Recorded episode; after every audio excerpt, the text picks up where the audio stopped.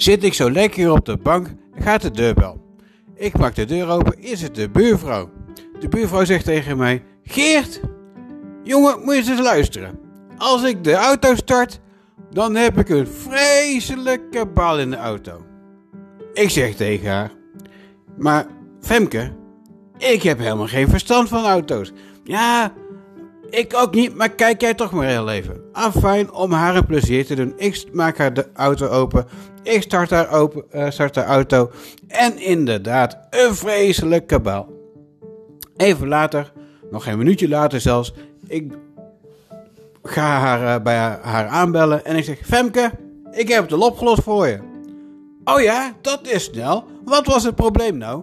Toen zei ik: Je hebt de CD van Merry Christmas van Mariah Blair er nog in zitten.